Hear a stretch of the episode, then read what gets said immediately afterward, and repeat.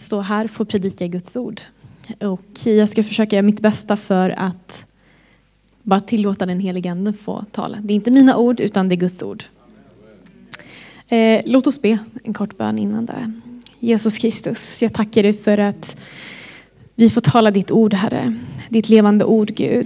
Och jag bara ber Gud att våra hjärtan och våra öron är öppna för att ta emot det, Herre. Och att det ska få påverka oss, Gud. Att det ska få påverka vårt inre hjärta, Gud. Så att det får bli enligt ditt, Herre. Så att vi får växa i ditt ord, Herre. Så att det inte ska bara få höras, men verkligen få ta action i, i, i oss, Gud. Eh, och jag bara ber om en smörjelse för ordet, Gud. Och att den ska få verka precis på ditt sätt, Herre. Amen. Eh, vi har ju gjort en serie som heter Lärjungenskap och vi har pratat om varje nytt ämne för varje gång och idag pratar vi om en lärjunge lever ett helt liv. Hur ska en lärjunge leva ett heligt liv? Eh, och vi ska prata, eller vi ska eh, prata om första Petrusbrevet kapitel 1, vers 15 till 16. Och det står, nej liksom han som har kallat er är helig ska också ni vara heliga i allt ni gör. Det står ju skrivet, ni ska vara heliga för jag är helig. Och vad innebär det att vara helig? Jo, att vara helig är ju att vara avskild från synden och orenhet. Och att leva ett fullständigt moralisk perfektion. Det är det vad det innebär. Att vi ska liksom gå ifrån synden så mycket som möjligt. Och det Paulus menar, eller Petrus menar i det här, det är att vi, att vi inte ska, det handlar inte om att vi ska vara perfekta. Eh, för vi lever fortfarande i en fallen värld och det finns saker omkring oss som påverkar oss lite på olika sätt. Men det han menar, det är att eh,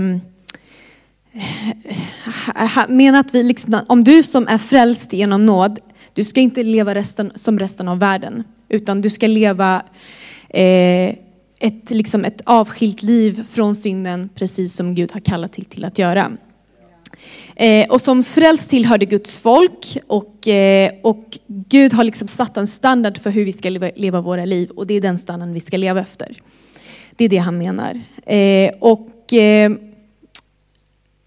Gud som är helig, vi, eftersom han, han är helig och vi tillhör honom så måste vi leva ut efter vad vi är, eller hur?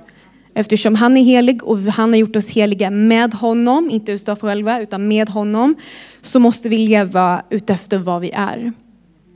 Så i Kristus är vi hela, inte med våra egna val, för vi är fortfarande människor, utan bara den helige kan göra oss helig. Eh, och man kan ju också se att genom gamla testamentet kunde de inte förfölja det på samma sätt, utan de behöver ha den helige ande. Så om du är frälst och har tagit emot den helige anden så har din resa redan börjat, eller hur? Men det är fortfarande ett aktivt val vi måste ta varje dag. Bara för att du har tagit emot frälsningen och då ska du inte försöka ta liksom nåden för givet. Att du ska fortsätta leva så som världen lever. När du har tagit emot Jesus i ditt liv, då är det redan från den dagen måste du aktivt leva ett liv som är heligt. Alltså avskilt från synden.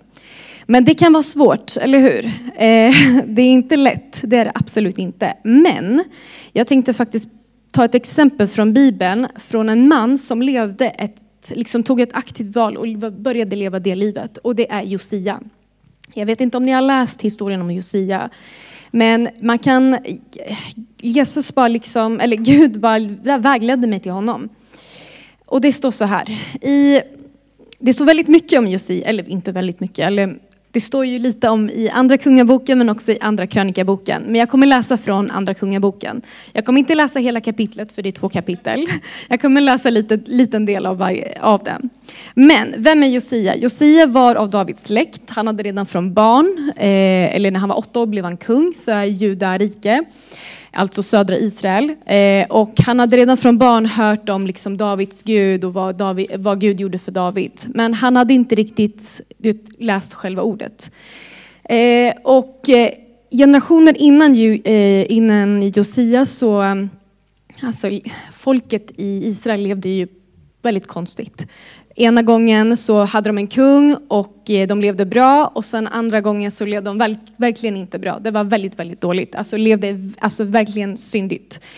Eh, så innan honom, så var, under Hisikas tid, så levde folket i enlighet med Guds ord och firade påsken utav Gud, alltså för att minnas eh, att Guds räddning, Gud räddade Israel från Egyptens makt.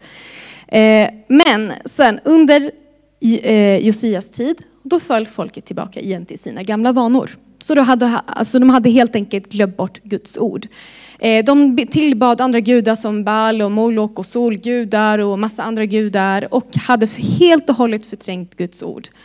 Eh, och det, det fanns så otroligt mycket orent i judarike och Guds vrede var över det. Så Gud var arg på dem för att de, hade, de levde ett liv som inte var heligt helt enkelt. Och den, den, liksom, den situationen eller den tiden som Josias folk levde i, den skiljer sig egentligen inte från den tid vi lever i just nu. För att eh, vi har normaliserat synden så otroligt mycket i vårt samhälle att vi är väldigt okänsliga mot det. Vi är väldigt, väldigt okänsliga mot den, liksom den synden som samhället lever i. Jag tror inte att vi någonsin liksom ser synden längre om du inte har Guds ord. Så vad lär vi oss av Josia? Jo, väldigt mycket. Vi lär oss tre saker och jag ska gå igenom de tre sakerna. Det första vi lär oss, det är att det finns kraft i Guds ord. I kapitel 22, alltså Andra Kungaboken kapitel 22, vers 10-12 står det att prästen Helikia hade gett eh, mig en bok och Shafan läste för kungen. Och när kungen hörde lagbokens ord rev han sönder sina kläder. Så när Josia hade hört om, han hade ju bara hört om Davids, eh, eh, Davids Gud, men han hade inte läst ordet. Men när han fick höra ordet rev han sönder sina kläder. Och varför rev han sönder sina kläder? Jo, för att, för att Guds ord är heliga. Det finns kraft i Guds ord. Och han, blev, han liksom kände en, han kände kraften i dem. Han kände, han kände direkt, oj, vad har vi gjort? Hur lever vi i det här landet? Um, och han omvände sig direkt. När han liksom tog sönder sina kläder och kände av kraften, han, han omvände sig direkt. Han, eh, och om vi ska förstå och känna av tyngden av synden som finns i den här världen, eller den synden som vi lever i, måste vi få höra Guds heliga ord. Vi måste få höra dem. Eh, för den, den tid som Josia levde i, den var liksom en väldigt korrupt djävulsk avbild av Guds ord. Eh, och det kanske finns en anledning till varför den här lagboken var försvunnen, för det kanske inte jag nämnde. För det, eh, Moses lag, den var försvunnen. De hade inte hittat det förrän de hade liksom gjort rent Herrens tempel. Och då hittade de en bok och då gick den översteprästerna till kung eh, Josia och så läste de upp liksom ordet. Kolla vad vi hittade och så läste de upp ordet. Och det kanske finns en anledning till att boken var borta. Det kanske var för att liksom, eh, vilseleda Guds folk på en helt annan väg. Men i vilket fall som helst om Guds ord inte finns mitt ibland oss kommer vi inte heller omvända oss från synden och då kommer vi fortsätta synda. Det är det det handlar om. Så när Josia och översteprästen läste lagboken förstod de hur fel de faktiskt levde och omvände sig. Och det var som en ögonöppnare för att de också kände Guds vrede. De kände Guds vrede och dom över dem. Så syndigt levde folket där. Så Guds heliga ord har kraft. Det har de. Det är inte bara ett simpelt ord som du läser utan det finns kraft i Guds ord. Vi kan läsa i, i Ordspråksboken kapitel 4, vers 20-23. Det står Min son, ta vara på vad jag säger. Vänd ditt öra till mina ord. Låt dem inte vika från din blick. Bevara dem i ditt hjärtas djup. För det är liv för dem som finner dem och läkedom för hela hans kropp. Det är alltså Guds ord. Och vi behöver Guds ord likt dem i Josias tid för att reformera våra sinnen och vårt hjärta. Och vi kan inte blint följa lagar, det är inte det det handlar om, utan vi ska ha en vördnad och förståelse för Guds ord. Och låta det, för, låta det förensa oss rent. Guds ord är ditt vapen, proklamerade över ditt liv. Och det var det första Josia gjorde. Vad gjorde han sen då? Så när han läste liksom Guds ord, när han upptäckte dem, vad gjorde han sen? Jo, eh, i Andra Kungaboken, eh, vers, eller kapitel 23, vers 1-4 står det Kungen sände bud och lät kalla till sig alla de äldsta i Judea och eh, Jerusalem Juda och Jerusalem. Och kungen gick upp i Herrens hus. Alla judamän och alla Jerusalems invånare följde honom. Också prästerna och profeterna och allt folk. Från den minste till den största. Han, lät, han läste upp för dem allt som stod, stod i förbundsboken som, eh, som han hade funnit i Herrens hus. Och kungen trädde fram till pelaren och slöt inför Herrens ansikte ett förbund att de skulle följa Herren och hålla fast vid hans bud och vittnesbörd och stadgar av hela sitt hjärta och av hela sin själ och upprätthålla detta förbundsord som var skrivna i denna bok. Och allt folk ingick i förbundet. Det var det han gjorde. Så han, han läste Guds ord, han såg kraften i dem, han omvände sig, men han såg till att okej, okay, jag kan inte eh, leva det här livet själv, utan jag måste ta med hela mitt folk. Hela mitt folk ska leva ett heligt liv. Så det börjar med ditt hjärtas inställning och viljan till att följa Guds ord. Där började det. Sen, den som har omvänt sig och blivit förlåten för sina synder, han får en vilja att sluta synda och leva ett rättfärdigt och ett heligt liv. Så är det. Men gör man inte det behöver man kanske tänka noga på sin frälsning. Varför är jag frälst?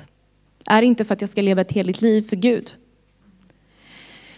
Och den som verkligen älskar Herren söker efter att lyda honom och hans ord.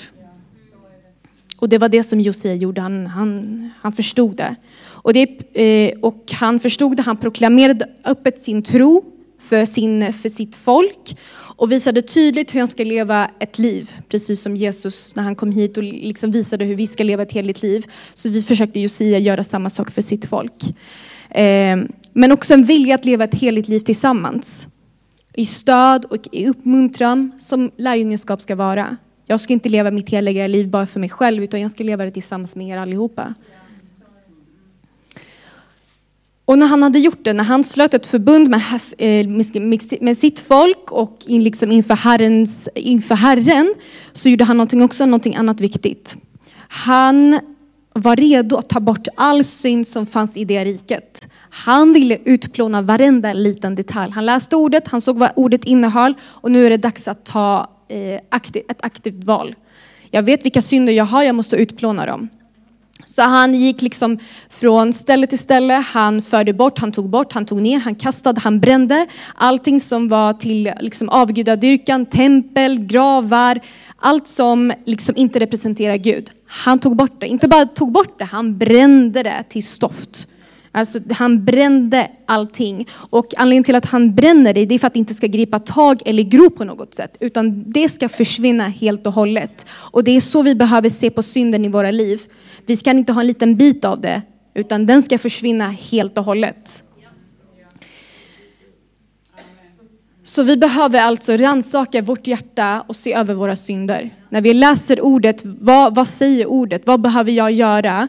Vad finns det i mitt liv? Vad finns det i mitt hjärta som jag behöver ta tag i och inte acceptera? I Psaltaren 141, vers 3-5 skriker David ut detta till Gud när han blir förföljd av Saul. Eh, Herren, sätt en vakt för min mun, bevaka mina läppars dörr.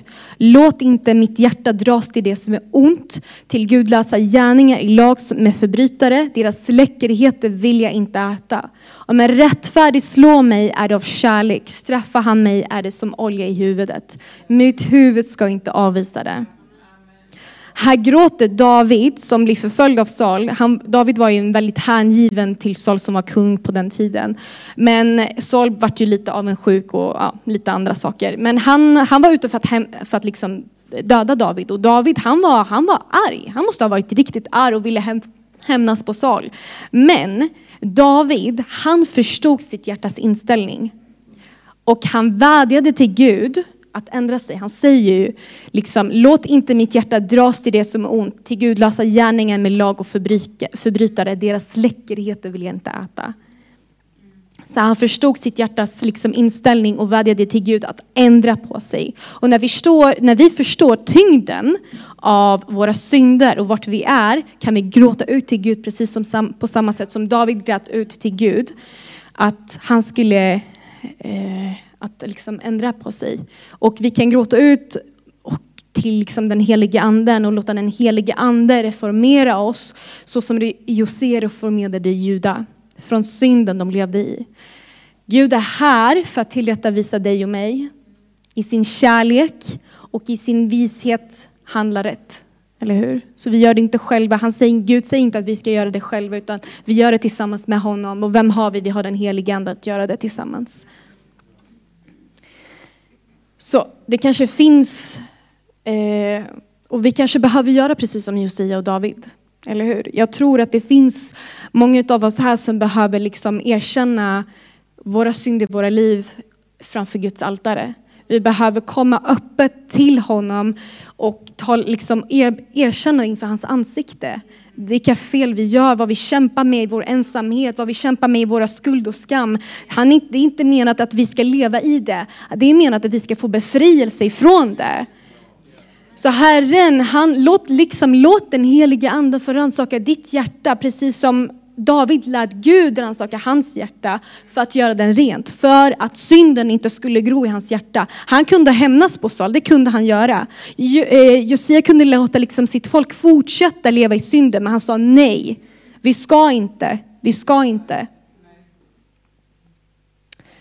Vad händer sen när vi gör det då? Så när vi, när vi erkänner vår, liksom, våra synder inför Gud, när vi öppet och ärligt säger till honom, Herre jag har syndat, Herre hjälp mig i det här, jag vill inte fortsätta på samma sätt. Vi får befrielse. Vi får befrielse i Jesu namn. Och det finns en glädje i den befrielsen. För vad gjorde Josia sen? Jo, Josia lät folket fira påsk. De hade inte firat påsk på väldigt lång tid. Det står i vers 21, när Josia hade bränt och förgjort allt som var till avgudarna befallde Josia folket att fira påskhögtid åt Herren er Gud som är förskrivet i denna förbundsbok. Att fira påsk det är att bli påmind om Guds att Gud befriade sitt folk från egyptierna. Han befriade dem från fångenskap. Och det, att göra det är samma sak som att i dagens tid liksom fira eh, nattvarden till minne av vad Jesus gjorde för oss på korset.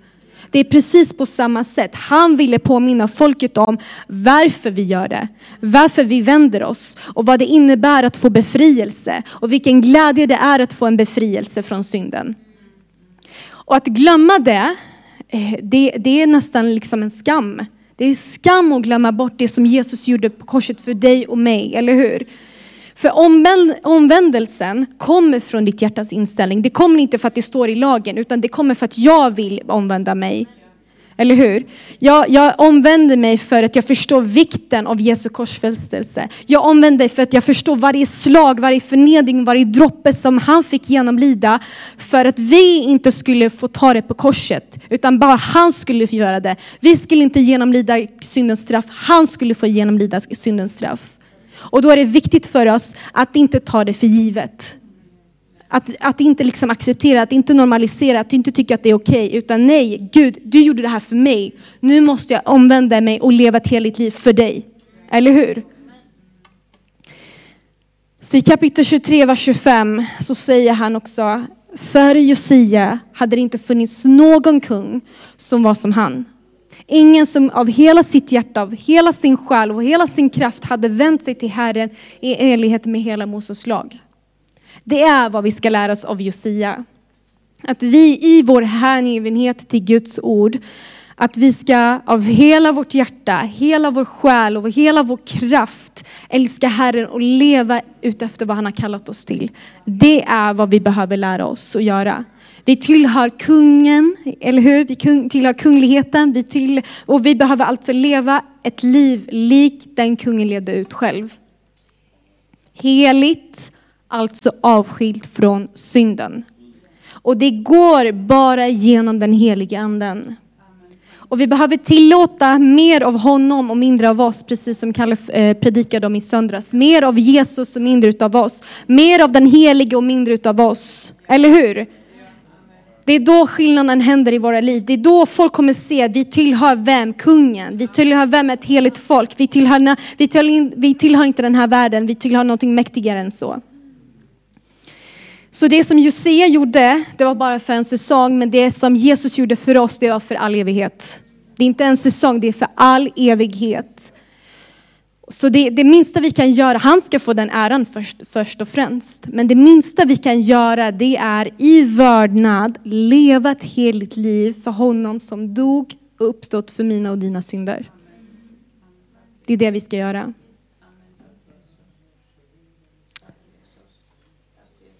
Läs ordet. Låt, följ ordet hängivet, liksom verkligen från hela ditt hjärta, hela din kraft, hela din själ. Låt det få bli Jesus. Läs ordet dag och natt, meditera på det. Låt applicera det i ditt liv och, och ta ett aktivt val och leta efter vad, är det för, vad, vad syndar jag? Vad är det jag syndar? Vad är det jag gör som inte hedrar och ärar Gud? Och bli av med det. Bränn det, precis som Josia brände det på den tiden. Det är det minsta vi kan göra för att ära Herren.